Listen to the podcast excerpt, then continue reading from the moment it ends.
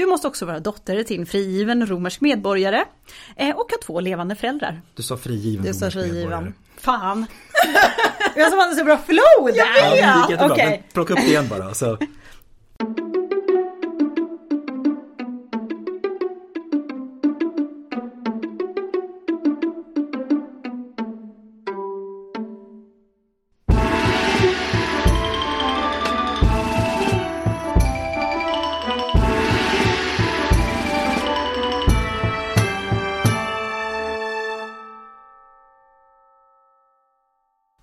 Hej och välkomna till ett nytt avsnitt av Podius Castus, en podd om antiken. Vi som sitter här idag det är jag Adam Jag Hanna. Och jag Angelica. och dagens avsnitt kommer att handla om det bästa som finns, nämligen romersk religion. Ja. Och eh, lite mer specifikt så kommer vi prata om ett romerskt prästerskap, eller prästinneskap kanske man ska säga. För den som har läst titeln på det här avsnittet vet att det kommer att handla om vestalerna. Och vestalerna är ju, ja men precis som jag sa, ett romerskt prästinneskap. Eh, på latin kända som Virgines Vestales, eller Virgo Vestalis om man bara var en av dem. Och ofta så förkortades det bara till Vestales. Eh, och de var ju då alltså Vestas prästinnor i antikens Rom. Och Vesta är ju då härdens och hemmets gudinna. Deras viktigaste uppdrag, Vestalerna alltså, det var att sköta om Vestas heliga härd där det brann den här eviga elden. Den här eviga elden som man kanske har hört talas om. Roms, Roms eviga ja. Mm. eld. Vestas härd var nära knuten till Roms lycka och framgång. Och så länge elden brann så var allting lugnt. Om den slocknade, då innebar det en väldigt nära annalkande katastrof. Mm, det är dåligt. Det är väldigt dåligt. Och vestalerna då, de var helt unika bland de romerska prästerskapen. Och de var konsekvent bland de mest vördade och inflytelserika kvinnorna i det antika Rom. Det är väl vår prolog för det som komma skall. Ja. Ja, Lite bra inledning sådär. eller hur? Eh, Men för att kunna sätta de här i kontext, det gillar vi att göra, så tänker vi dra lite om de romerska prästerskapen och religionen bara för att få en bild av hur det faktiskt var. Och eh, den romerska religionen den var pragmatisk och kontraktbaserad. Och den styrande principen var do ut des. Jag ger så att du må ge. Väldigt enkelt. Väldigt rakt fram. Eh, I scratch your back, you scratch my back. Japp. Väldigt så, rakt på. Och religionen den styrs utav praktisk kunskap och ett korrekt utförande utav böner, riter och offer. Alltså inte utav en tro eller en dogma som är nedskriven på ett papper eller papyrus eller någonting annat någonstans. Och det här korrekta utförandet det kallas religio. Och det är ju därifrån vi sen får vårt ord för religion. Hör man ju nästan. Eh, och religio det är då en hörnsten i mos majorum, förfädernas sed. Och det är ju extremt centralt för den romerska identiteten. Japp. De var mycket för det här med Alla deras traditioner och Mm. ja, alltihopa. Som... korrekt, korrekt romerskhet. Exakt. Liksom. Och det ska alltid vara sånt som förfäderna, alltså de, de, de gamla gjorde. Liksom, Ja, förr i tiden. det så. som man gjorde förr, det Ja, var det bra. Var, det, var, det var bra förr och det ska fortsätta vara bra så därför fortsätter vi göra som man gjorde då. Ja, ja. Det, det var väldigt, ja, men ja, väldigt exakt så. Eh, och romarna själva, de såg sig som väldigt, väldigt religiösa och tillskrev sina framgångar som världsmakt sin kollektiva fromhet, alltså pietas. Så att om, om hela kollektivet var fromma, då gick det bra. Eh, och det här var också då det som skapar den här fromheten och den här framgången, det var också deras goda förhållande till gudarna. För det är ju det här I scratch your back, you Precis. scratch mine. Eh, I förhållande till just gudarna. Och det här förhållandet styrdes utav den romerska staten eh, och mängd kulter sponsrades med publika medel. Och det här är ju ett sätt för att garantera den allmänna välfärden. De här eh, offentliga kulterna sköttes av präster och prästinnor. Av vilka de mest prestigefulla organiserade sig i grupper kallade kollegia. Kollegium i singular. Och det kan man översätta med ett stånd. Inte ett sånt stånd. Nej, inte ett sånt stånd, utan ett Ett sånt stånd. marknadsstånd alltså, det var det jag tänkte på. Vad tänkte du på?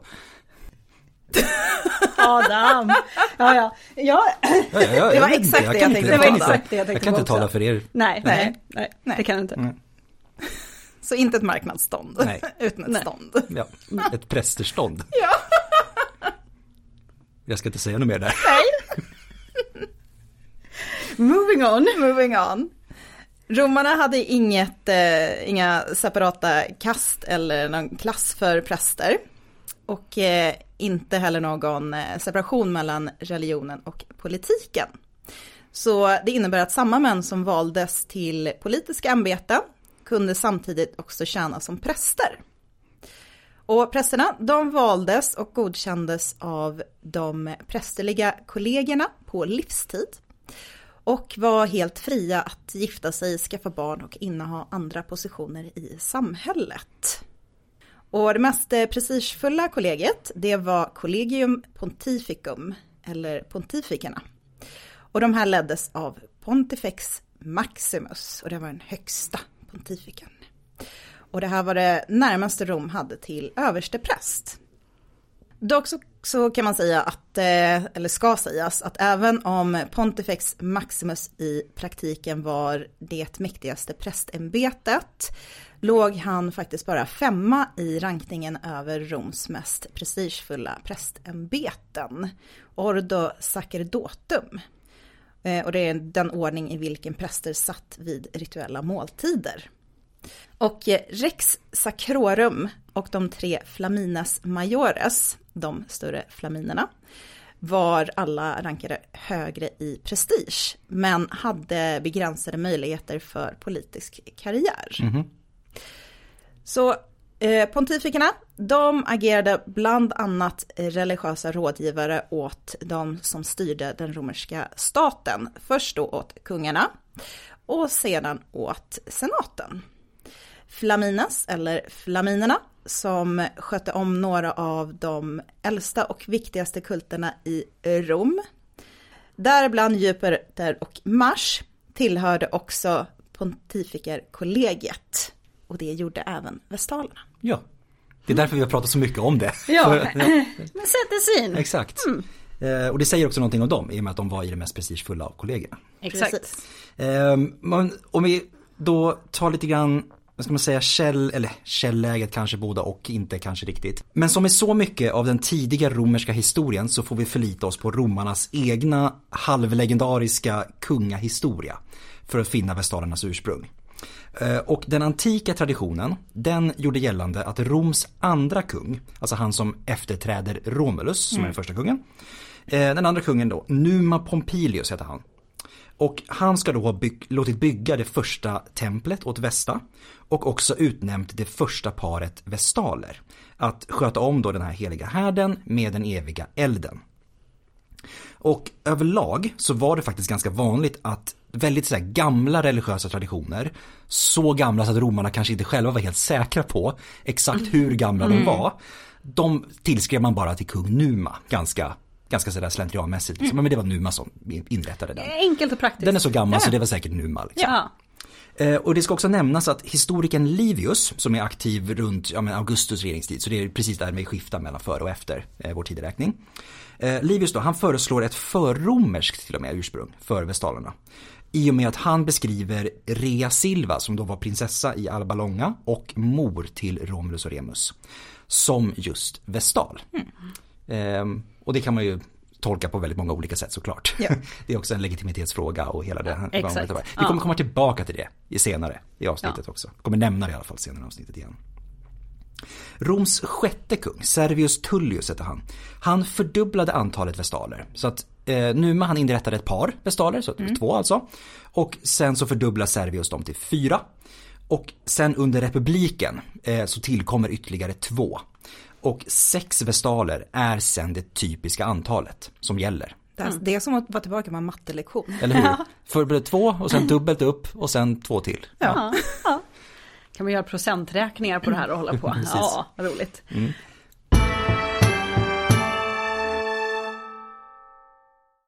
Hur blir man vestal då är en fråga. Ja. Vad, för det är ju inte bara så att man bara kanske vaknar upp en dag och tänker att jag ska bli vestal utan det krävs lite mer. Det krävs fram med, lite fram med jobbannonsen här. Ja exakt. Mm. Vi söker dig som är flicka mellan 6 och 10 år gammal. Du eh, måste vara fri från fysiska, moraliska och mentala defekter. Vara dotter till en fri romersk medborgare och ha två levande föräldrar. Det är också meriterande. Nej, jag ska inte fortsätta med jobbannonsen. Men det här var alltså bara öppet för väldigt unga flickor, alltså det är barn vi pratar om. Mm. Eh, och man skulle ju då vara fri från de här mentala defekterna och fysiska och så vidare. Eh, och det var ändå viktigt när vi pratade om i början här att man var dotter till en fri romersk medborgare för frigiven räknas inte. Mm. Så det, liksom, mm. det var inte vem som helst som kunde bli vestal utan du måste upp i samhällsskiktet. Och för den som inte vet då vad vi menar med frigiven, mm. det är ju då alltså en, en som har varit slav. Mm. Men som sen har blivit frigiven. Kort och ja, det, det, det, är frigiven slav, det är det det är. Ja, exakt. Mm. Ehm, och eh, ja, de var inte tillräckligt fina helt enkelt. Mm. Ehm, och själva vestalerna, även, även om man fyllde upp alla de här kraven så tror jag inte det var så som Adam sa, att man vaknar upp och bara oh, jag ska bli vestal. Mm. För vestalerna de valdes vid en ceremoni som kallas captio, fångsten. Och det här översågs då av Pontifex Maximus. Eh, och från åtminstone mellanrepubliken så sker det här valet genom en lottning. Eh, och då är det typ 20 kandidater som är på plats i närvaro utav deras familjer. Och inför hela det romerska folket mm. så, så gör man det här valet. Och Pontifex Maximus pekar då ut de flickor som har blivit framlottade. Och de går sedan iväg eller han går sedan iväg med dem till Vestas tempel och till deras nya liv. Så det här är en, en, en lottningsprocess, mm. en ganska viktig ceremoni. Mm. Och i samband med det här ska han ha yttrat en ceremoniell sägelse i stil med Jag tar dig min kära till att bli Vestas prästinna, att utföra de heliga riterna enligt lagen för det romerska folkets räkning. Eh, och sen när eh, de här flickorna sen kommer till eh, templet då svär de en, ja, den heliga eden och de svär då att tjäna Vesta i 30 år och att utföra gudinnans riter in, för det romerska folkets räkning samt att förbli moraliskt ren. Och det är alltså ett kyskhetslöfte. Ja. Du får inte ligga runt. För då blir du oren. Exakt. Mm. Eh, och den här 30-årsperioden, eh, den som man svär in sig på, den är väldigt snyggt uppdelad. Den är uppdelad på tre lika delar. Nu har vi matte igen här. Eh, men i de första tio åren så är man student. Nästa, nästföljande tio år det är man tjänare. Och de sista tio åren då är man lärare. Så väldigt sådär. Mm. Ja. Snyggt strukturerat, man gillar symmetri. Precis. Som det vanliga livet nästan. Om man vill vara sådär filosofiskt ja. lagd. Den vestal som stod högst i rang var överste vestalen. Virgo Vestalis Maxima. Ja. Man vill ju ha en titel med Maximus eller Maxima i sig. Absolut. Ja. Annars eh, Flamines är också Flamines är snyggt. Fint. Ja, Flamines, Flamines Maximum. ja. Ja. ja. Det är snyggt. Man borde egentligen när man får ett nytt jobb bara lägga till några titlar. Ja, Man bara så här, här sitter jag. Och allting låter bättre på latin vet vi. Ja, ja absolut. Ja. Hon översåg vestalernas eh, arbete och hade det dagliga ansvaret över dem. Eh, men det yttersta ansvaret låg då trots allt hos eh, Pontifex Maximus som ledare då av eh, pontifikerkollegiet. Och det här ämbetet blev i och med Augustus en del av kejsarmakten, vilket innebär då att vestalerna under kejsartid en, enbart då svarade till kejsaren. Mm. Virgo Vestales Maxima var troligtvis den mest inflytelserika och självständiga av alla Roms prästinnor. Andra högt stående prästinnor, till exempel Flaminica Dialis, höll endast sina ämbeten i egenskap av att de var gifta med sin manliga motsvarighet. Och i det här fallet så var det Flamen Dialis och det var då Jupiters överste präst. Mm. Och liksom de andra prestigefulla prästämbetena var vestalerna från början reserverade för samhällets mer välborna medborgare. Mm. Eh, och det var framförallt då patricier vi pratar om då. Eh, man kan säga, det öppnades senare upp för plebejer i takt med att det blev allt svårare att hitta patricier som ville ge upp sina döttrar. Mm. För vi vet ju att särskilt inom samhällets elit så var döttrar ganska så viktiga spelpjäser för att knyta och befästa politiska allianser. Och det här uppnåddes ju då genom att man arrangerar äktenskap. Och att som en aristokrat då bli av med en dotter till vestalerna, det kunde ju alltså innebära ett politiskt bakslag. För man blev ju av med en dotter som, ja men man, inte, man kunde inte gifta bort henne. Nej, och på det sättet knyta till sig inflytande och sådär. Ja. Eh, då ska ju sägas att det var ju trots det så var ju att bli vestal ett enormt stort hedersuppdrag. Eh, men det är det här lilla som skaver lite grann att, mm, ja, mm. Nej, de kanske inte så lite alla gånger Ja, heller. nej, nej. Eh, Sen ska jag säga att slutligen så blev det även tillåtet för döttrar till frigivna att bli vestaler. Av precis då samma anledning som tidigare, att Ja. när också inflytelserika plebejfamiljer eh, började knorra lite grann. Att man blev av med, blev av med döttrar till det här. Ja. Och om en vestal då dog i förtid, säg att hon dog innan hennes 30-årsperiod hade löpt ut. Då kunde potentiella ersättare presenteras direkt för Virgo Vestalis Maxima. Då behövde man inte genomgå den här caption. Och vid överstefestalen då, hon kunde sen välja den mest dygdiga av de alternativ som presenterades för henne. Ehm, för grejen är det att eh, man ska ju bara liksom, ska man säga, eh, fullfölja den här eden som vestalen har svurit. För hon svor ju en ed på 30 år. Dör hon innan, då är eden eh, inte uppfylld. Och då behöver man bara snabbt in med någon som kan jobba igenom den här eden. The understudy blir man Ja, lite li- grann. lite så. Och till skillnad från då i, i de här normala fallen när man börjar som liten flicka så behövde eh, de här ersättarna för en i förtid död vestal inte vara unga och de behövde heller inte vara oskulder. Så att man behövde liksom inte ha det här, vad ska man säga, den så att säga, moraliska renheten, eh, kyskhetsgrejen behövde man inte ha i det här fallet. Eh, de kunde till exempel vara unga änkor, de kunde vara frånskilda. Trots det så sågs det här som ett ganska så dåligt omen ifall man valde någon som faktiskt tillhörde någon av de här kategorierna. Och eh, Tacitus, historikern, han nämner faktiskt en sån incident från år 19 efter vår tideräkning. När det är två unga kvinnor som presenteras som ersättare för en då i förtid död vestal. Och den av de här två som väljs, hon blir endast vald för att den andra kandidaten nyligen blivit frånskild. Vilken Nobb. Ja. Ja, verkligen. Men ja, så kunde det vara. Eh, Men om vi ska gå in lite mer på var, var hänger de här vestalerna? Eh, Ja, deras arbetsplats var ju Vestatemplet eh, i Forum Romanums östra del. Eh, Och i det här palatset så fanns ju Grinnans heliga härd med den här eviga elden som jag har nämnt. Och eh, det är ju då en, en symbol för den eviga staden. Så så länge den brinner så, så kommer Rom finnas. Så att det är ju extremt viktigt.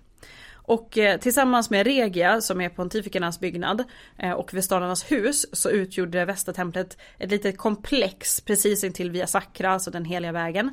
Och det här var en av Roms äldsta och viktigaste vägar, vilket ju näst, man hör ju det. Ja, men precis. Den går tvärs över forum liksom. Ja, eh, och det är jätteviktigt såklart. Eh, Och det första templet verkar ha byggts, på tid, alltså byggts väldigt tidigt i Roms historia. Någon gång under början på 1600-talet före vår tideräkning. Om man då tittar på liksom de arkeologiska fynden man har gjort på platsen. Och det här är då en av de äldsta strukturerna på Forum. Och det här, ganska intressant, så det här stämmer ju med den här tidiga historien vi berättade om. Så här stämmer faktiskt arkeologin med vad Rom hade för egen självbild. Precis. För, det, det- så, ja, men precis. ja. för nu man borde ha funnits där någonstans. Om, inte Ja annat. exakt, så att, Det- så att eh, om han nu fanns så skulle han ha funnits någonstans. Ja, det, det, det verkar finnas någon typ av rimlighet i att det fanns en, en liknande sån här kult under den tiden. Men templet i sig var ganska ovanligt för det var runt i sin design eller sin struktur. Romarnas tempel var normalt rektangulära och därför så sticker den här ut. Eh, Men i och med att Vesta associeras med hemmet så verkar den här runda arkitekturen efterlikna tidiga romerska hyddor.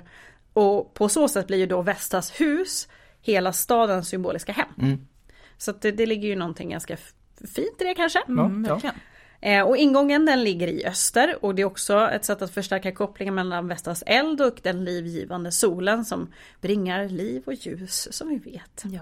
Framförallt så här på våren känner man ju det. Jag tänker just nu så känner man det extra känns det som. Ja. Ja, så här i början på februari så är det ver- verkligen livgivande. Ja. Och eh, det här templet på Forum Romanum blir såklart stilbildande för andra romerska västatempel. Till skillnad från andra romerska tempel så kan man också nämna att det här västatemplet har ju ingen kultstaty utan det är ju den heliga härden som är centralt eh, belägen i sällan, det är den som är den viktiga. Det ska också nämnas att även om vi kallar det här för ett tempel idag så bestämdes platsen och orienteringen enligt tradition inte genom auspicier, alltså tolkning av järtecken, vilket man gör liksom för andra tempel. Eh, så att under antiken så är Vestas, ja, det vi kallar tempel, eh, mer känt som ett aides, alltså på engelska shrine. Och det närmsta vi kanske kommer på svenska är helgdom, men Mm. inte riktigt eh, rätt. Men så att det var lite annorlunda än andra tempel. Precis. Templet förstördes och eh, återbyggdes ett flertal gånger, oftast på grund av bränder. Ibland troligtvis orsakade av den eviga elden eh, i sällan då. Ja, precis. Surprise, surprise. Surprise, surprise. Men Rom brann ju vid... Ja, ja, det brinner titt som tätt. Ja, ja. Det- Ja, det Så är det, är det, inte så konstigt. inte, precis, det är inte så tätbefolkat ovanligt, liksom. och folk eldar hemma och alltihopa. Exakt. Det är, Ja. Byggt av trä. Mycket Dåliga av brandvarnare. Ja, ja precis. Exakt. Ont om batterier. Exakt.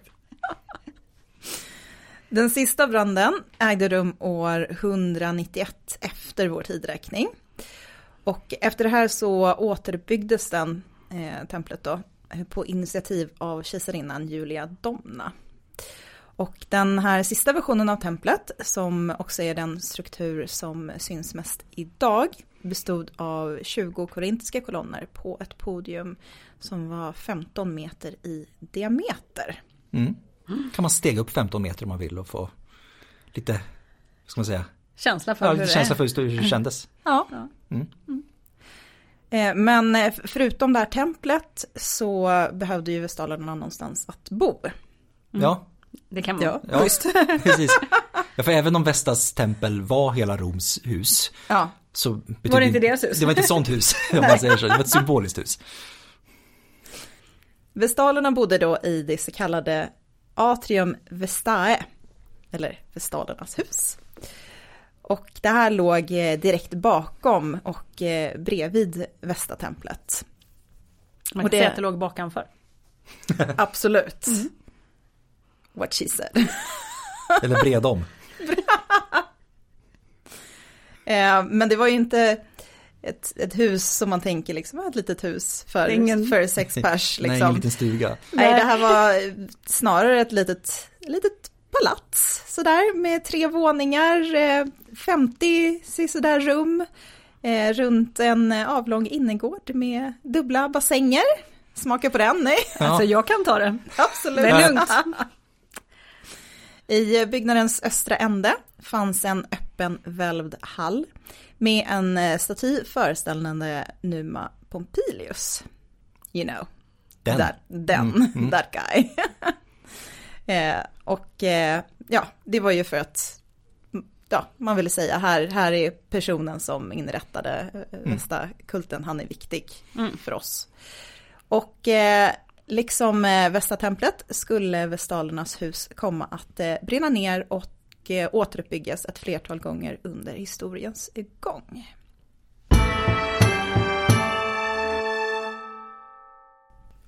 Vad gör man då? Nu vi, har- vi har pratat om templet och vi har pratat om huset. Men som Vestas så är det ju den huvud, din huvudsakliga uppgift är att sköta om Vestas tempel och viktigast av allt att hålla den eviga elden vid liv. Och de här sex vestalerna då, de verkar ha haft något sorts schema och jobbat i skift. För det skulle alltid finnas åtminstone en vestal på plats i templet som då kunde hålla uppsikt över elden.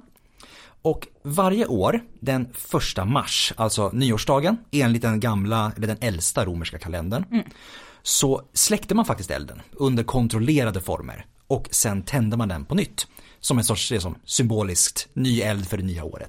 Just det där kontrollerade former. Kontrollerade former, Det är exakt. det jag sitter och tänker på, liksom, om Västatemplet börjar brinna på grund av den här äh, elden. Får man släcka templet? Det, det är en jättebra fråga. Jag, jag skulle säga ja, det tror jag nog kanske. tror det? Ja, det, om man, ja, eller jag ska inte svära, jag vet inte. Jag sitter bara och killgissar, jag vet inte. Du gör det du gör bäst. Ja, precis, exakt. Eh, Den grekiska historikern Plutarkos, han beskriver faktiskt hur vestalerna tände den här elden, för det är inte på vilket sätt som helst.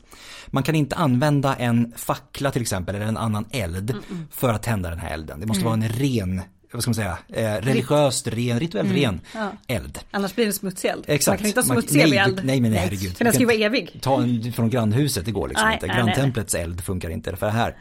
Så istället så använde vestalerna blankpolerade konkava speciella mässingskärl som man då använde för att fokusera solens strålar på den här heliga härden Mm. som man då haft massa torrt på. Tills det började brinna. Så att tänk er liksom förstoringsglas mot solen lite Mm. granna. Som, Tänk ju också att man sitter där första mars och det är mulet. Ja, Fy fan Illa. vad länge man måste sitta där. det är lite hårt. Ja, det är nog hårt för knäna det, ro, Om jag känner romarna rätt så hade de sett det som ett jättedåligt omen för kommande Ja, ja, ja, det hade de ju. Ja. Eh, De bara, nej eh, det var inte första mars idag, vi räknar fel. Precis. Imorgon är första mars. Och sen då näst efter att sköta om den heliga härden så var det såklart det allmänna underhållet av templet som stod högst i prioritet. Och det är alltså, ja men, städa, hålla rent, hålla det fräscht och, fräscht och snyggt för gudinnan. För templet var ju i all väsentlighet alla romares tempel och stadens symboliska hem och härd, det har vi nämnt. Och därför är det ju också då öppet dygnet runt. Inte riktigt för alla, för är man man då får man inte gå dit om natten. Och vi kommer komma till det sen. Men, men det, folk kan komma dit, eh, folk drar med sig skit, det vet vi, man har gäster hemma, det blir stökigt. inte vet jag. Nej men det det är viktigt att hålla det rent och snyggt såklart.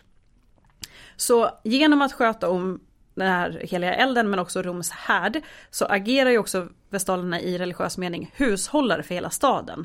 Som de också i högsta grad förkroppsligar. Så att det här är liksom, det, det är väldigt stark symbolik i det här. Och därför så kommer det in på det här att man kan inte bara hålla rent i templet utan man måste ju också vara moraliskt och religiöst ren. Och därför ska man inte ligga runt. Och finns inget fint sätt att säga det här på men så det inte. länge vestalerna förblir openetrerade skulle Rom förbli detsamma. Japp. Mm. Det är det, ja men precis. Det finns inget snyggare sätt att säga. Hashtag, hashtag openet- openetrerat. eller vad man ska säga. Ja. Ja. Ehm, ja, det, fan, det- det är ju faktiskt lite fun i och med liksom just sexualitet och såna här saker i det antika Rom. För att romarna såg ju bara sex som penetration. Det finns inget annat sätt att ha sex på. Nej. Kvinnor kunde inte ha sex i det antika Rom, enligt romarna, enligt romarnas definition då på det. Eh, och därav. eh, Men de kan bli utsatta ja. för det. Det, Och absolut, det kommer vi ja, komma in det, på. Absolut, Mm. absolut. Men vid sidan av att eh, liksom, ta hand om den här heliga härden så vaktar man ju också tempelförrådet. Och det här tempelförrådet det innehåller inte gamla stolar eller annat sånt bröte. Utan till exempel så här, testamenten och andra viktiga dokument. Som bland annat tillhör senatorerna. Och diverse liksom, heliga föremål. Och det här dyker upp i liksom, andra berättelser att man kanske hämtar liksom, eh, ju- just testamenten och så. Eh, från västra templet. Men det var ju andra heliga föremål och vi kanske, alltså vi vet ju lite vad som har funnits där. Eftersom att det har brunnit så har man ju skrivit om det och då finns det bevarat. Och det mest kända heliga föremålet som vi vet förvarades i västra templet var Palladium. Och det här är den uråldriga Athena-staty som Aeneas ska ha räddat ut ur det brinnande Troja. Och eh, poeten Ovidius, han berättar om en av gångerna då det brinner i västra templet. Och det enda som man lyckas rädda var just Palladium. Och det här ska då, den här statyn ska räddas utav Pontifex Maximus som bara trotsar lågorna och rusar in i det brinnande templet. Bara grabbar tag i den och springer ut. Eh, hur sant det är, det vet jag inte. Det är en bra story och det är en Jo. snygg litterär koppling tillbaka till berättelsen om Aeneas. Exakt. Absolut. Det känns som att någon kanske tog sig lite litterära friheter för att göra en snygg story. Ja, Va? det skulle väl romarna aldrig göra. Nej, nej, och video skulle jag definitivt inte göra. No, no, no. Vestalerna spelade även en central roll vid ett flertal religiösa festivaler. Västens huvudsakliga festival var Vestalia och det här firades i templet mellan den 7 till 15 juni. Och de här dagarna så öppnade vestalerna upp templets heligaste heliga för allmänheten. Och det var ett rum som annars var avskärmat. Och här inne så kunde sedan kvinnor skänka böner och votivgåvor åt Vesta. Under Vestalia så tillverkade även vestalerna måla Salsa. Och det här är en mjöl och saltblandning som då användes vid samtliga romerska offerceremonier. Väldigt, väldigt viktigt. Och det är liksom, det, man strödde det i pannan eller mellan hornen på offerdjur. Eller så använder man det på altaret eller i härden. Och det här var en rituellt ren substans vars syfte också var att rituellt rena offret. Och inget offer kunde utföras utan den. Det är ju, säger en hel del. Japp. Ja. Och det här var så centralt för utförandet av offer att verbet ha på målan, eh, immolare, det kommer att bli synonymt med att offra. Mm. Så utan vestalerna så kunde man helt enkelt inte offra. Och kunde man inte offra så gick det ju inte att upprätthålla den goda kontakten med gudarna. Nej. Nej. Då blir de arga. Ja, Och då är det kört. ja. Ja. Ja. Och sen så har vi en serie på tre festivaler där Vestalerna också spelar ganska så centrala roller. Och vi börjar då med Oktoberhästen, eller Equus Oktober, som eh, gick av stapeln den 15 oktober. Eller Idus, alltså mitt i månaden. Och det, eller, festivalen består av att man offrar en häst åt Mars som en symbolisk avslutning på fältsäsongen. Och ehm, ja, men så här, man är lite mitt emellan höstskörden och eh, vintersådden. Och det är också, ska vi säga, det enda regelbundna hästoffret i hela den romerska religionen. Det är annars ett djur som man inte offrar. Ofta så offrar man ju bara djur som man sen kan äta. Ja. Och romarna åt inte häst. Men här offrar man eh, häst i alla fall som en då, eh, rituell handling helt enkelt. Kanske, kanske, kanske kommer ett minisnitt om någon gång, kanske i framtiden. Man I en vet aldrig. galax långt, långt borta. Eh, sen så har vi Fordikidia och den går av stapeln den 15 april istället, en till Idus men den här gången i april. Eh, och då offrar man en dräktig ko åt Tellus, alltså jordgudinnan. Eh, för att då garantera en bördig vinterskörd och vårsådd, så nu befinner vi oss på andra sidan jordbruks, jordbruksåret. Eh, och sen så drar man då den ofödda kalven ut ur eh, kossans, eh, kossans lilla mage och bränner den till aska på ett altare då, som ett offer. Varför har vi då pratat om eh, hästar och dräktiga kor då? För att jo, Vestalerna kommer in i bilden efter det här en vecka efter Fordikidia den 21 april så firar man Parilia. Och Parilia det är en festival som eh, hel, heligt renar herdar och deras jordar och säkrar då ett fruktbart år. Under senrepubliken så kommer dagen även att associeras med Roms födelsedag, det kanske man känner igen, 21 april. Eh, Vestalerna de blandade sen det torkade blodet från oktoberhästen med Fordikidia-kalvens aska för att bilda en, en till sån här blandning i stil med Mola Salsa som man under Parilia spring, eller strör över härdar och bål. Jag fick lite dialekt där på strör, hör ni det? Jag vet inte var det kommer ifrån. Vestalerna de hade också ett stort ansvar över kulten till Bonadea, eller den goda gudinnan. Eh, Och hon hade då en publik kult i ett tempel på Aventinen. Bonadea hon associerades med kvinnors fertilitet och precis som Vesta också med beskyddandet av det romerska folket. Eh, Även då om hennes riter till största del var exklusiva för kvinnor. Det är faktiskt den enda romerska kulten, kulten till Bonadea, eh, inom vilken kvinnor tilläts utföra blodsoffer och dricka starkt vin. Fun fact. Ja. Mm. Den kanske var populär. Ja, bland- om inte annat bland kvinnor. Ja men jag tänker, får man dricka starkt bland, eh, bland andra som vi kommer till en lite kul story senare i avsnittet också för den delen. Ja. Ehm, hur känner man då igen en vestal? Precis som de andra romerska prästerskapen så kan man känna igen dem på kläderna. Och ehm, en intressant aspekt utav just vestalernas kläder det är att den har element gemensamt med, med andra typer av kläder. Specifikt den romerska bröllopsdräkten. Och dels den formella dräkten som gifta kvinnor har, alltså matronen hade. Så, att, så att vi kommer till vad det här då kan innebära. Precis som en matrona så skulle en vestal bära en ståla, alltså en, en, den kvinnliga motsvarigheten till en tåga. Och eh, över det här så har man en lång palla, en mantel. Och vill man veta mer om de här kläderna så har vi ett helt avsnitt om det. Ja, Så att, ja. som, visst är det det som, nej det är inte det som avslutas med det här läskiga läxförhöret. Nej, Nej, var det är det- det är första. det Det är det Grekiska. första, det Ja, grekiska. Ja, det är läxförhör i den här Ja. också kan jag säga. Men, Så men, lätt eh, PTSD. mm. Fruktansvärt. Jag mår dåligt. Men om vi struntar i hur dåligt de andra mår för att vi har utsatt dem för läxförhör. Så kan vi gå in på eh, någonting annat som var viktigt i just vestalernas kläder. För de, just hur vestalerna klädde sig pratar vi inte om. Men typ plaggen pratar vi om. Eh, för ö- över den här stålan och eh, pallan så bär de också en vit sjal med purpurbård. Och purpur är jätte, jätte, jätte, jätte, jättedyrt. Man kan nog lägga till några till jätte där om man vill. Och den här bär de ju när de är ute bland folk och när de utför ceremonier. Och att liksom bära, alltså täcka huvudet, det kan man ju se på ganska många statyer. Till exempel Augustus har ju flera statyer när Precis. han har täckt huvud Precis. för att visa att han är Pontifex Maximus. Och eh, vestalernas frisyrer är också ganska speciella. Eh, de ser likadana ut som kvinnor hade på sin bröllopsdag. Och då hade man håret uppknutet bakom huvudet med infly, alltså hårband. Och vestalerna hade då hårband i rött och vitt. Och de här hänger ner över axlarna. Och de röda banden, de symboliserar den eviga elden. Ett väldigt återkommande tema i den här ja, avsnitten. Vi har sagt det väldigt många gånger. Undrar om man kan ha en drinking game, ja, just, evig eld. Ja, exakt, ta en shot varje gång vi säger eviga elden. Exakt. Eh, men de vita banden de symboliserar den här moraliska renheten och den moraliska dygden. Och om man då slår ihop allt det här så symboliserar den här klädedräkten att vestalerna var gifta med sitt heliga uppdrag. Och de är också gifta med staden Rom och det romerska folket vars hem och härd de vårdar.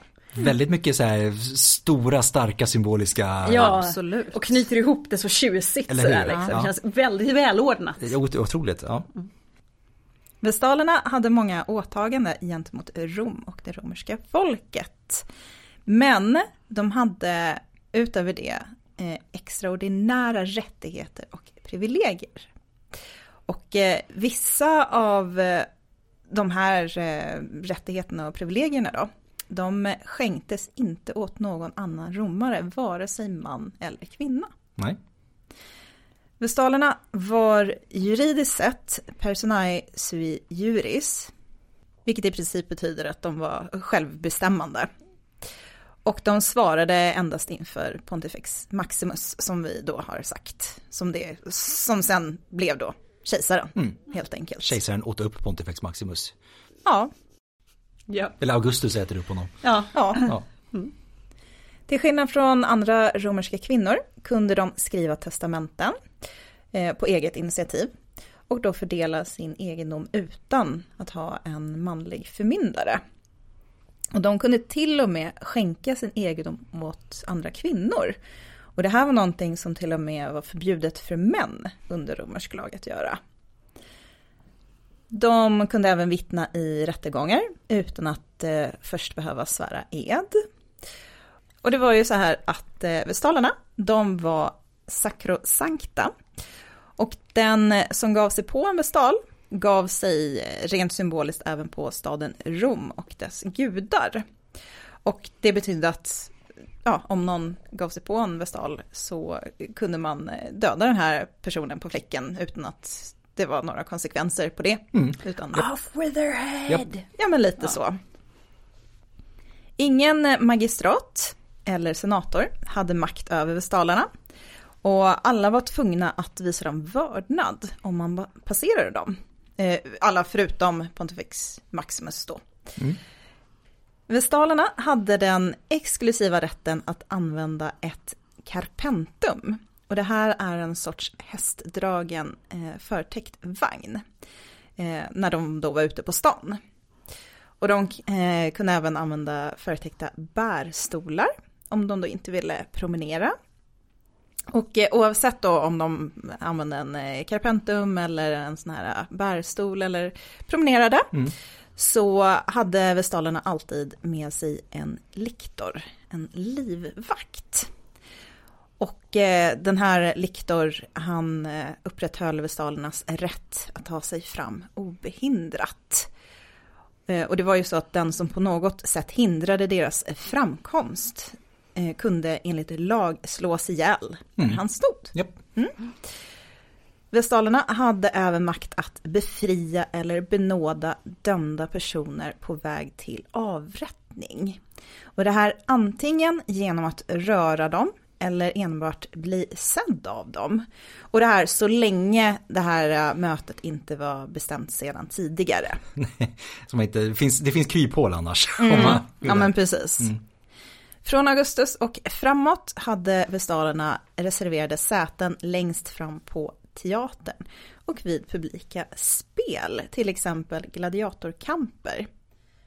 Då var vestalerna eh, de enda kvinnorna nedanför den allra översta raden. Vestalerna, de var så gott som universellt vördade och beundrade, så tillvida att de ofta tillskrevs mystiska och övernaturliga krafter. Och här finns ett exempel ifrån Plinius den äldre. Han berättar om en allmän tro att vestaler magiskt kunde nagla fast bortrymda slavar i marken bara genom att be en bön. Men då måste de fortfarande vara inom stadens gränser. Mm. För de representerar ju Rom. Exakt, har bara makt innanför. Ja, Innanför murarna. Exakt, ja men precis typ. Men det är också ganska, måste vara ganska lätt att upprätthålla den här chimären. För om någon bara, min slav har rymt. Så ska man så här, ta sig till Vestalernas tempel, Mm. komma in, få tag på en vestal, bara be en bön. Hon bara, jag ber en bön. Mm. Och så blir ju ingen fastnaglad. Men då var det ju bara för henne att säga, nej men eh, Ja, utanför den stan." slaven stack, sorry. Ja, Exakt. Precis. Men även om det nu en slag skulle bli fastnaglad ska man ju hitta den här, det är en stor stad. Ja, ja, ja. ja. Oh, ja. Ja, ja. ja, ja. Och så hur ska du kunna bevisa det här? Du kan ju inte liksom säga till vestalen så att du, det här funkar inte. För då är ju du, du, du visar ju inte du vördnad för Nej, vestalen. precis. Du får inte hoppa på en vestal. Nej, Nej. då kan Nej. de bara slå ihjäl dig. Ja. Kanske inte vestalerna utan deras livvakt. Nej, exakt. Whatever. Ja, De ska ju vara rena, kom ihåg. exakt. Inte få befläcka händerna med Nej. något blod Nej. inte. Nej. När Vestalernas den här, alltså 30-årsperioden, när den har löpt ut, då gick man vanligtvis i pension, helt enkelt, kort och gott, med en ganska så generös summa pengar som man fick från offentliga medel, direkt från romerska staten. Och vestalerna var nu självklart också fria att gifta sig och att skaffa familj om man så önskade. Men, alltså det här om man så önskade, vestal eller ej, var man en fri romersk kvinna som vägrade gifta sig så var man fortfarande konstig. Ja. Oavsett om man hade varit vestal tidigare eller inte. Och man erhåller ju också privilegier om du har fött tillräckligt många barn. Dessutom. Så att, det, att, att gifta sig och skaffa barn var ju väldigt, väldigt viktigt. Och i de fallen då en vestal önskade gifta sig så kunde Pontifex Maximus faktiskt agera som far i då det här och eh, arrangera ett äktenskap eh, med en lämplig romersk man åt den här vestalen då. Däremot så har vi inga bevarade exempel på sådana här äktenskap. Eh, så vi kan säga att just den här vestalen gifte sig med just den här mannen till exempel. Plutarkos, han påstår att det var mycket svårt för vestaler att släppa sina tidigare liv, kanske man kan förstå ändå. Mm, palats. Eh, japp, eh, typ. Eh, och att återgå till vad för de andra romerska medborgarna var ett sorts normaltillstånd. Vestalerna visste ju inget annat liv Nej. Än det. Nej men Eh, precis. För att jag menar, blir man då vestal, säg att man är sju år gammal till exempel. Kommer du 30 år senare, 37 år gammal. Det är som nästan hel, stor del av det vuxna livet har förlupit redan. Ehm, Det kan inte vara lätt bara Nej. komma ut. Nej.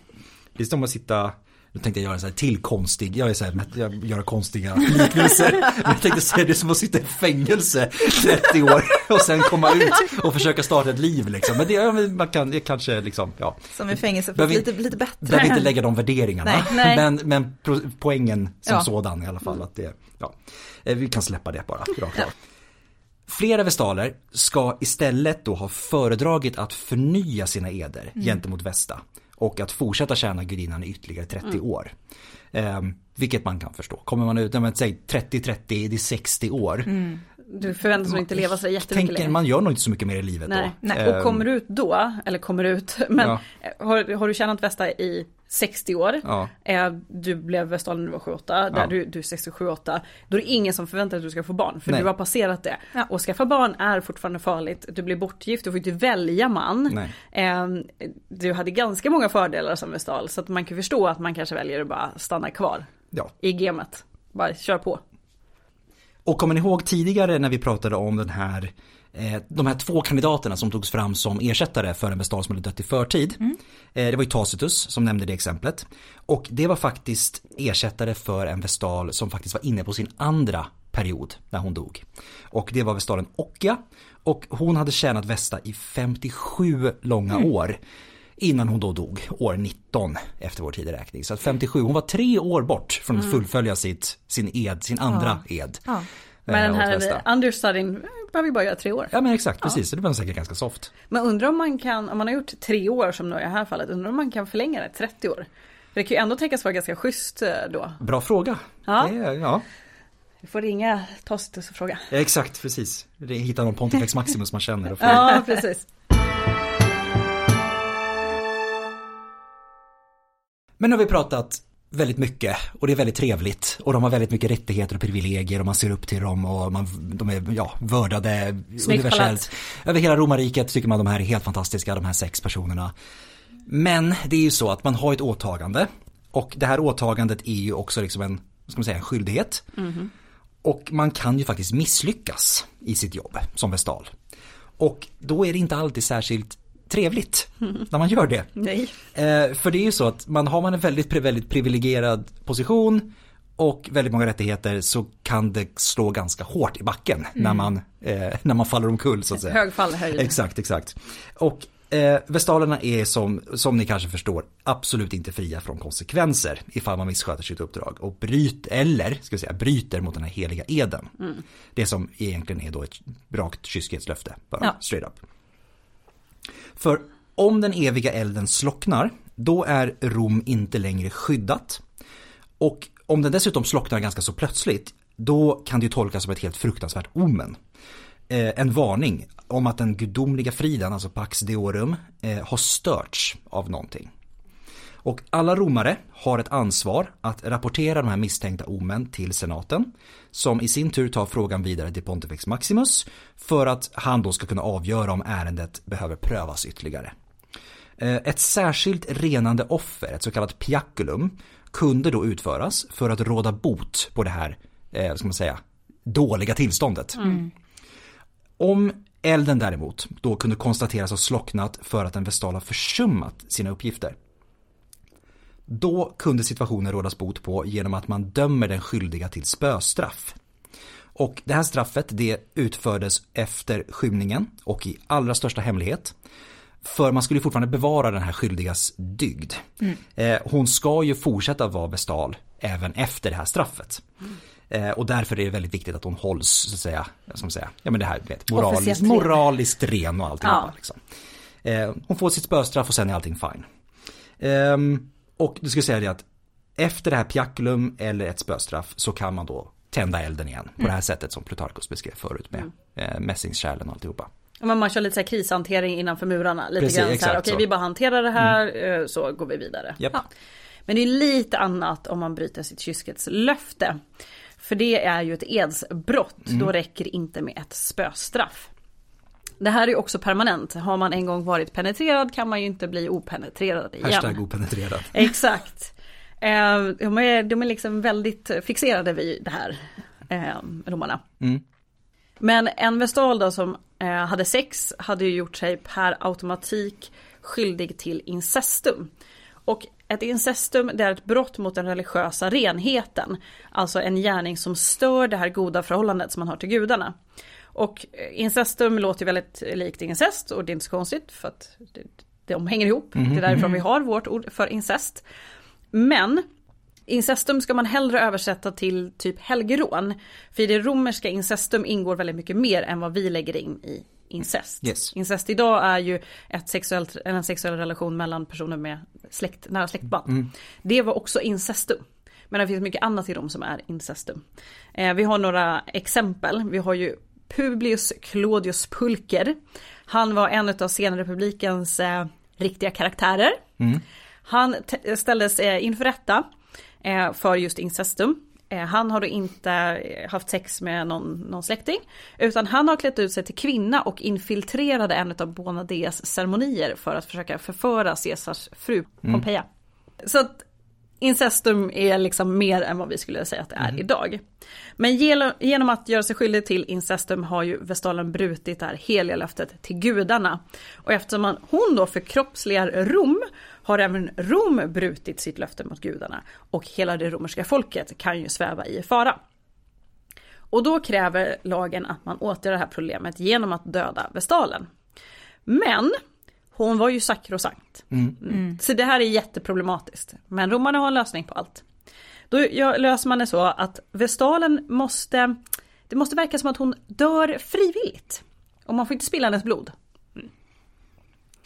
Och ehm, Rom får inte vara skyldiga till hennes död heller, det, det är väldigt viktigt. Så att det här skulle liksom Vad krångligt det blev nu. Ja, eh, man ska döma lite i döden, hon ska dö frivilligt utan att, det ska inte spillas någon blod och man får inte själv vara skyldig till hennes död. Nej. Det är Hur, hur gör man bäst då? Ja. Hur gör man bäst då? Ja. Mm. Jo, lösningen blev att eh, begrava henne levande. min mardröm. Ja fy, ja, det är Mm. inte, nej, alltså det, tänk, åh, nej, man ska, Nej. man ska inte Nej, men- börja tänka på Nej det. men då här, är det här är ja. liksom next level också. Ni kommer förstå. Ja, det här är så Oh. brutalt. Mm. Okej, så att... Eh, eh, oh. Ja, det här löser man genom att man gräver en underjordisk kammare. Och det här vid Campus Sceleratus, eller Skurkfältet. Just rolig översättning. På Ja. Men det är inte fel. Nej, det är inte fel. Nej. Sceleratus, eh, det är ja, en, en brottsling, Mm. typ. Ja. Eh, och eh, det där fältet då, då, det låg nära eh, Porta Collina. Och det var Roms äh, nordöstra stadsport. Så här gör man alltså en underjordisk kammare. Eh, Vestalen, eh, när hon då har dömts av eh, pontifikerna så kläddes hon i en liksvepning och lades i en kista. Och eh, när de gjort det då, så då bars hon genom forum till Campus Sceleratus, åtföljt av sina sörjande släktingar, precis som fallet hade varit om, det hade varit, om hon hade varit död på riktigt. Mm. Skenbegravning. Ja, det är så Skenbegravning, precis. Åh.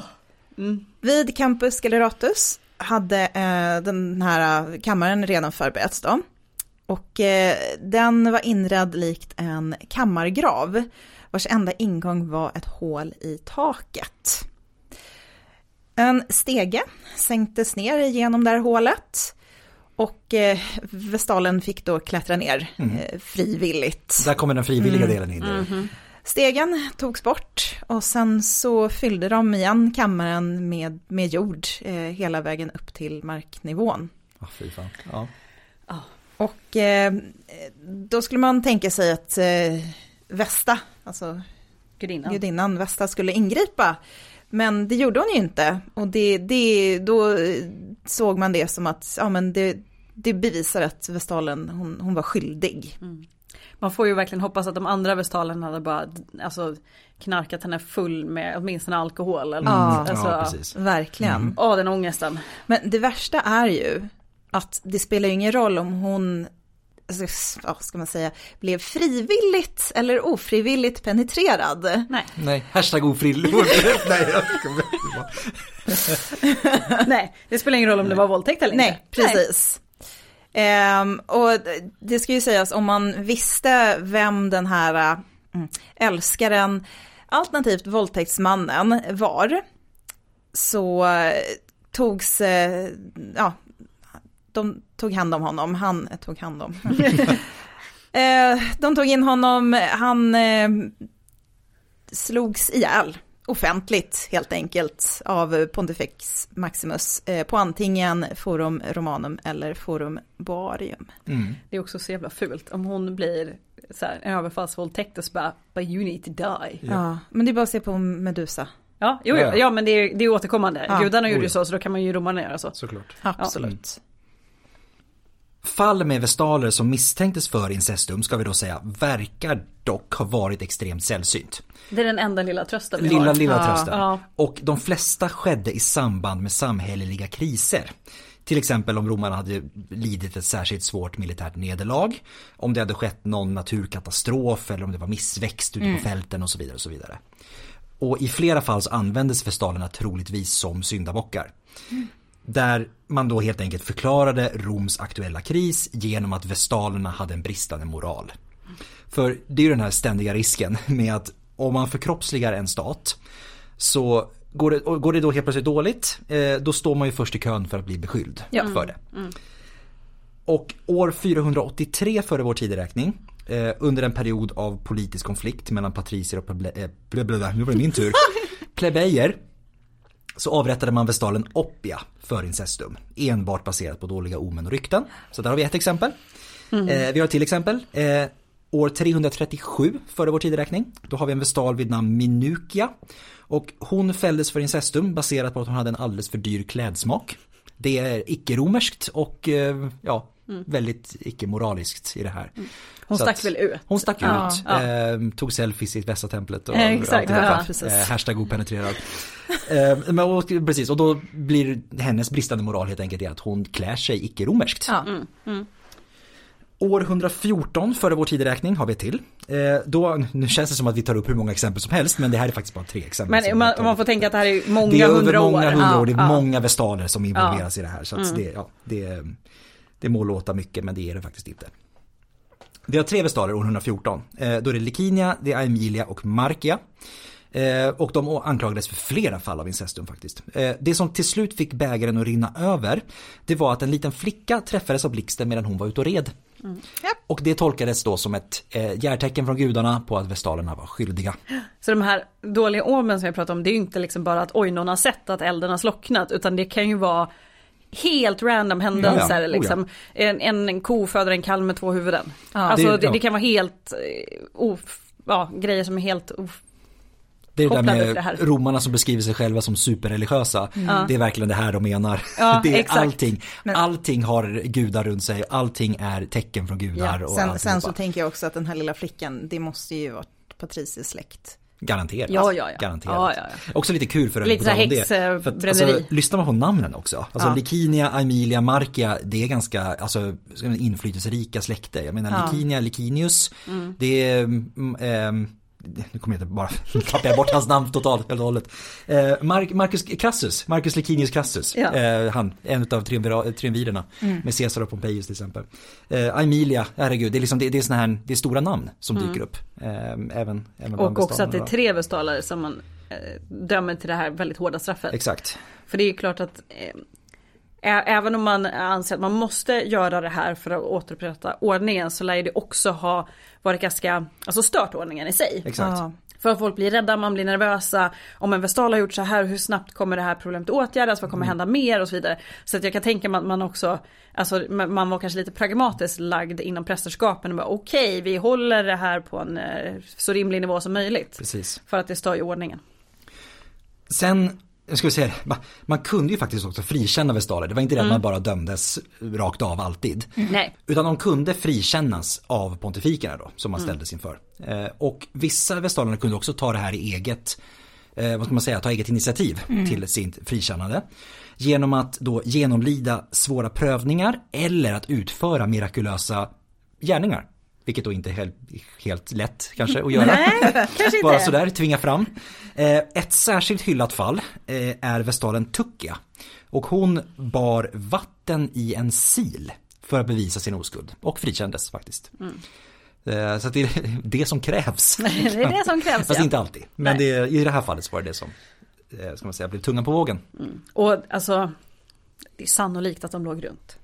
Herregud ja. Ja, Ja. Eh, men eh, man kan ju tänka sig att de höll varandra lite om ryggen. Säkert. Det är som sagt det är mäktiga personer. Det är mäktiga Ja. personer. Men, men också att liksom strukturen som sådan höll dem runt ryggen. Oh, För att det här liksom Tänk om det, om, om det går bra för Rom och så upptäcker man att en stad ligger, vestal ligger runt. Då är det så självklart det som är orsaken liksom. Nej men, nej, men om det går bra för? Rom just då, men en vestal Ja, ligger ja, runt. herregud, ja, då, då kan man ju inte döma henne till döden för då Nej. går det ju bra för Rom och då skulle det betyda att det är okej för henne att ligga runt. Exakt. Alltså, så att, ja. eh, någonstans borde det funnits någon typ av Precis. pragmatiskt tänk kring det här. det är som sagt, jag tror att det är när man börjar leta orsaker. ja, Ja, exakt. Som man hittar då. Det är, exakt, det är då man hittar dem. Man, man ja. behöver en syndabock. Precis.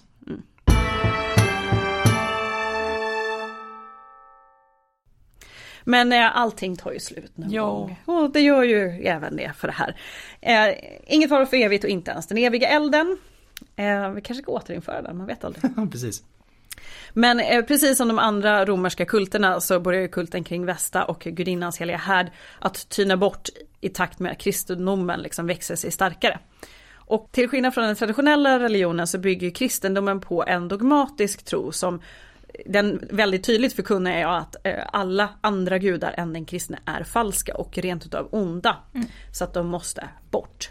Så istället för att Vestas eld då ska hållas vid liv för att hålla Rom säkert så måste man nu släcka elden för att hålla Rom säkert. Så det är en hel omvändning där. Och år 382 så konfiskerades kultens offentliga stöd av den kristna kejsaren Gratianus. Och kort därefter så försvinner vestalerna från det historiska källmaterialet. Och den sista epigrafiskt fastställda vestalen som vi vet om, eller som finns idag, är ju Coelia Concordia. Hon var Virgo Vestalis Maxima, så den här överste vestalen. Och år eh, 385 så reser hon en staty över den avlidna Vettius Agorius Praetextatus Pontifex Maximus som han var då. Mm. Eh, och det här blir ju ehm, lite symboliskt i i det här avsnittet mycket Ja. tung symbolik. Ja. Så att det här monumentet blir ju också lite poetiskt nog eh, ett monument över hela den traditionella religionen som nu har gått i graven. Den bysantinska historikern Sosimus berättar att när kejsar Theodosius den förste besökte Rom år 394 så förolämpade hans ja då, brors eller systerdotter, Nis, ni vet, engelska, omöjligt, Syskonbarn. ibland omöjligt att översätta, exakt. Eh, hon heter Serena i vilket fall som helst. Hon ska ha förolämpat en åldrig vestal som beskrevs vara den sista av sitt slag, alltså 394. Det, för, det framkommer dock inte av Sosimus huruvida kulten fortfarande var i bruk vid den här tiden. Ja. Så om hon var en vestal för länge sedan och nu Exakt. Mm. bara var gammal eller om hon var aktiv vestal. Precis. Ska säga också att just att Serena kunde förolämpa henne är ju ytterligare ett bevis på att kulten är död. Liksom. It died. Japp. Eh, Vestas eld släcktes för alltid då med största sannolikhet någon gång under just de här åren. Alltså precis innan 400-talets början. Någonstans 380-390, någonstans där. Och drygt 70 år senare så har allting gått under.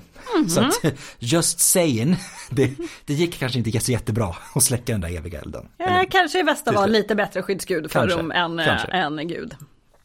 Men Västatemplet dock förblev tämligen så intakt fram till renässansen ironiskt nog. För år 1549 så river man templet och återanvänder marmorn i, ja ni vet hur man gör, kyrkor, olika påvliga palats och såna här saker. Det mesta av vår kunskap om templets ursprungliga utseende kommer därför från avbildningar på till exempel mynt och, jag vet, konst, eh, fresker och reliefer och sånt. Sånt tjafs. Eh, arkeologiska undersökningar på platsen eh, inleddes år 1877 och 1931 så rekonstruerade man delar av templet. Och det är det som man fortfarande kan se idag på Forum. Tillsammans då med resterna av Vestalernas hus. Efter kultens upplösning så omvandlade man just då Vestalernas hus till bostäder för kejserliga tjänstemän. Det var ju ett palats, det var ju inte liksom Ja. sakralt på det sättet. Så det nej, kunde man fortsätta det kunde man ju använda. använda. Det var ju säkert snyggt. Eller hur? 50 rum och två bassänger, herregud. Och när kejsarna försvinner då ersätter man det sen med alltså, påvliga eh, tjänstemän istället. Mm. Eh, från Vatikanen. Och sen överger man byggnaden någon gång under 1000 eller 1100-talet. Så att den varar ett par århundraden till i alla fall. Mm. Men vet ju att de som har varit i Rom och sett Forum så vet man ju att inne i Vestalernas hus så står det faktiskt statyer. Eh, och de statyerna är ju då de som föreställer eh, Vestalerna. De statyer som har bevarats eh, av Vestalerna. Och de står där inne än idag då som ett sista monument över Roms eviga väktare.